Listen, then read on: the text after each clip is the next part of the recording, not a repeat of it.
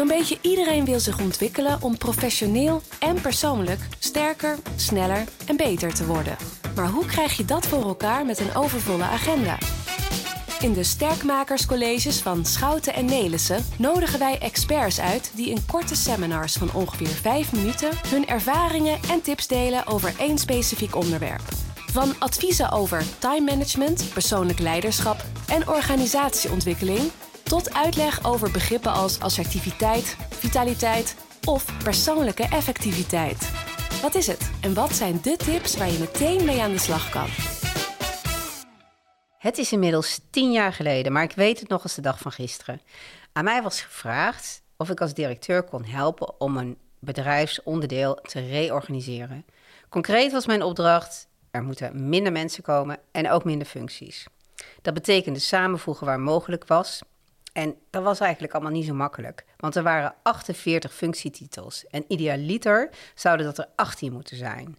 Dat was natuurlijk echt een super uitdaging. Maar hoe doe je dat nou goed? Hoe zorg je er nou voor dat de mensen het ook gaan doen en dat het ook gaat lukken? Mijn naam is Ria van Dinteren. Ik ben onderwijskundige en ik heb ook ruim 20 jaar ervaring in leidinggevende functies.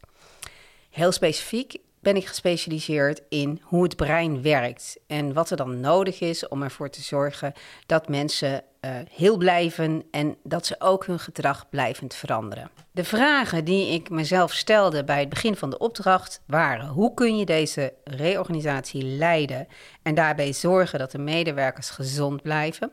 Want een reorganisatie is natuurlijk niet zomaar iets. En hoe kun je ervoor zorgen dat er een blijvende gedragsverandering plaatsvindt, zodat er niet opnieuw gereorganiseerd moet worden? Nou, terug naar het brein, want dat heb ik natuurlijk wel gebruikt tijdens deze reorganisatie. Dus los van een plan van waar moet ik heen, uh, wist ik eigenlijk ook wel dat ik iets moest doen met het brein van de medewerkers die in dat bedrijfsonderdeel er werkten. Nou, wat we eigenlijk weten over het brein is dat het brein zich veilig moet voelen. Willen ze absoluut veranderen, uh, willen ze bewegen, in beweging komen en willen ze wat uh, leren. Wat ik daarbij heel erg interessant vind, is het werk van David Rock. En David Rock is een Amerikaanse neurowetenschapper. En die heeft onderzoeken uitgevoerd en die heeft ten aanzien van de veiligheid van mensen op de werkvloer ontdekt dat er eigenlijk vijf elementen zijn die voor mensen echt heel erg belangrijk zijn. En concreet betekent dat dat als die vijf niet in orde zijn, dat mensen gewoon ook niet bewegen.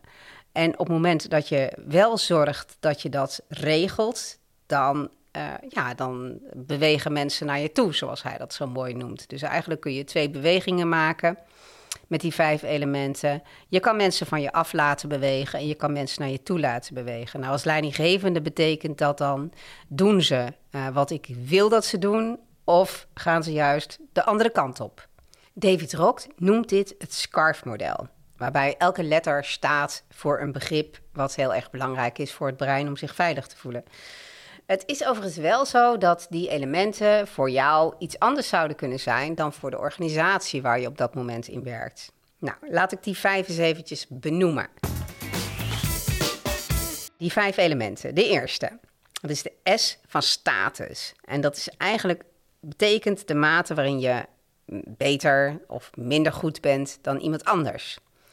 Het tweede element is zekerheid. Dat is eigenlijk, staat dat voor kun je de toekomst eigenlijk wel voorspellen. Dus ben je, ben je, in een organisatie in staat om te weten wat je volgende week of die week erop of over drie maanden gaat doen.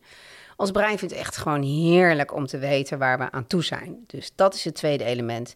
Het derde element is autonomie. We vinden het heel fijn om zelf te kunnen kiezen. En ook al kunnen we maar kiezen uit twee dingen, dan nog vinden we het fijn dat we gewoon zelf een keuze hebben.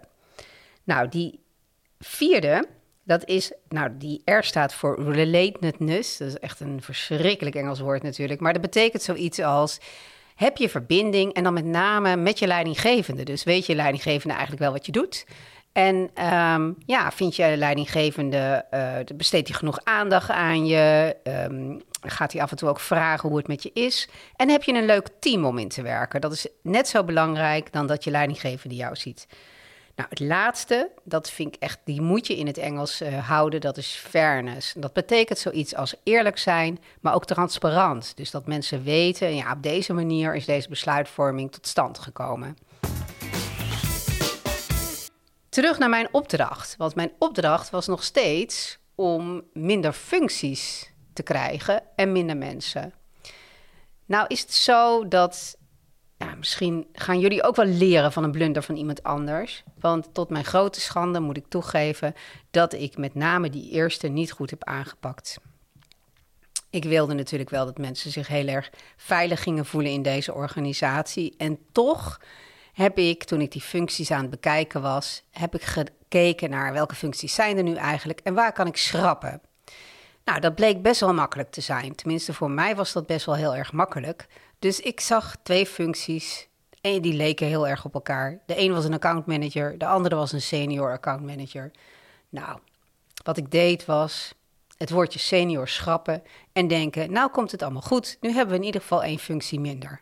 Nou, niks was minder waar.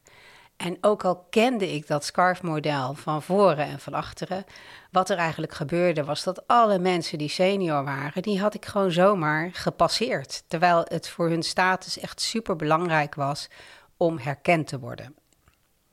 Het was rampzalig, eerlijk gezegd. Nou, je kan je voorstellen dat je bij al die elementen zoiets hebt. Wat moeten mogen mensen kiezen? Weten ze wel waar ze aan toe zijn in een reorganisatie? En dat is eigenlijk het lastigste wat er is als leidinggevende, zeker tijdens een reorganisatie. Je weet soms ook helemaal niet wat er komt. Dat wist ik ook niet. Maar wat je wel kan doen, is zekerheid geven over de procedure die je loopt. Zekerheid geven over hoe je de informatie verspreidt in je organisatie. Nou, dat heb ik uh, trouwens wel goed gedaan. Daar heb ik niet zo heel veel in geblunderd. En mensen mochten ook kiezen voor welke functie ze wel of niet wilden als ze herplaatst moesten worden. Dus dat SCARF-model heeft mij echt enorm geholpen in ervoor te zorgen dat het uh, goed ging in die organisatie en dat die reorganisatie goed ging. Dus als leidinggevende nu aan mij vragen welk model moet ik eigenlijk gebruiken of wat moet ik gebruiken van het brein, dan kan ik ze van harte aanbevelen dat ze dit model in de gaten houden. En dat ze ook in de gaten houden dat zekerheid misschien voor hen niet zo belangrijk is, maar wel voor die mensen in die organisatie. Ja, wat had ik eigenlijk anders moeten doen? Op het moment dat ik vertel welke blunders ik heb gemaakt tijdens deze reorganisatie en ik vertel dat aan groepen, dan vraag ik altijd wat had ik moeten doen. En eigenlijk uh, weet ik het zelf het antwoord ook wel, maar die groepen geven ook verrassend genoeg dat juiste antwoord ook terug als leidinggevende.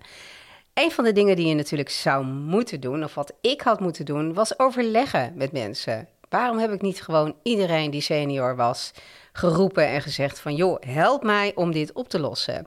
Nou, onze eigen tunnelvisie als leidinggevende zorgt er ook gewoon soms voor dat we dat SCARF-model helemaal niet toepassen, maar dat we gewoon wat stappen overslaan. Dat geldt bijvoorbeeld ook voor die eerlijkheid en transparantie. Er worden beslissingen genomen, zeker tijdens een reorganisatie of als wat aan de hand is, als er crisis is in een organisatie.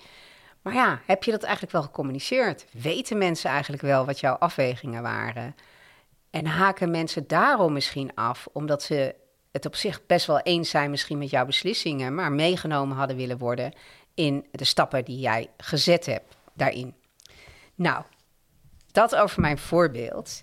Ehm, als je mensen gezond wil houden, betrek ze erbij. En als je ze blijvend wil veranderen, maak die kleine stapjes. En tot slot, ik heb nog vijf tips voor leidinggevenden. Als je denkt van, hé, hey, hier wil ik echt mee aan de slag. En die eerste tip is: verdiep je in je mensen. Um, wat ik me niet zo gerealiseerd had, was dat de organisatie waaraan ik leiding gaf, dat status daar bijvoorbeeld echt super, super belangrijk was. Heb ik me gewoon niet gerealiseerd. En anders had ik gewoon kunnen weten dat ik dingen anders had moeten aanpakken. De tweede, leg niet op, maar geef keuzes. Dat heeft natuurlijk ook te maken met dat derde element als het gaat over autonomie. Maar geef mensen keuzes, al zijn het er maar twee. Nou, de derde, zorg goed voor de afwijkende mensen in jouw organisatie. Daar heb je wat te doen als het gaat over veiligheid in je team. Dus sla ze niet zomaar over, ook al ben je nog zo druk als leidinggevende. Maak je beslissingen inzichtelijk. Dat is de vierde. En de vijfde, wees helder over kaders en volg je afspraken op Eerlijk, dat is een van de dingen waar ik trots op ben als het gaat over, over deze specifieke klus. Elke vergadering die we hadden en die we afgesproken hadden, ging door. Zorg er ook voor dat je dat doet. En ja, het SCARF-model is natuurlijk niet het enige waarmee je stuurt. Een heldere visie, heldere kaders, weten waar je heen wil als leidinggevende is natuurlijk ook heel erg belangrijk. Maar ik ga ervan uit dat jullie dat natuurlijk allemaal hebben. Wil je meer weten over dit onderwerp, bijvoorbeeld over SCARF, dan kan ik jullie uh, verwijzen naar een van mijn boeken. Maar je kan ook in de show notes van Sterkmakerscolleges kan je alle informatie vinden als je nog meer wil lezen of nog meer wil luisteren. Bedankt voor het luisteren naar de Sterkmakerscolleges. Hopelijk heb je er nieuwe inzichten door gekregen. Maar echt sterker word je door wat met deze inzichten te doen. Dus waar wacht je op? Ga aan de slag. Kijk voor meer informatie op sn.nl/slash sterkmakers-podcast. En vergeet ons niet te volgen op Instagram en LinkedIn. @sterkmakers_podcast.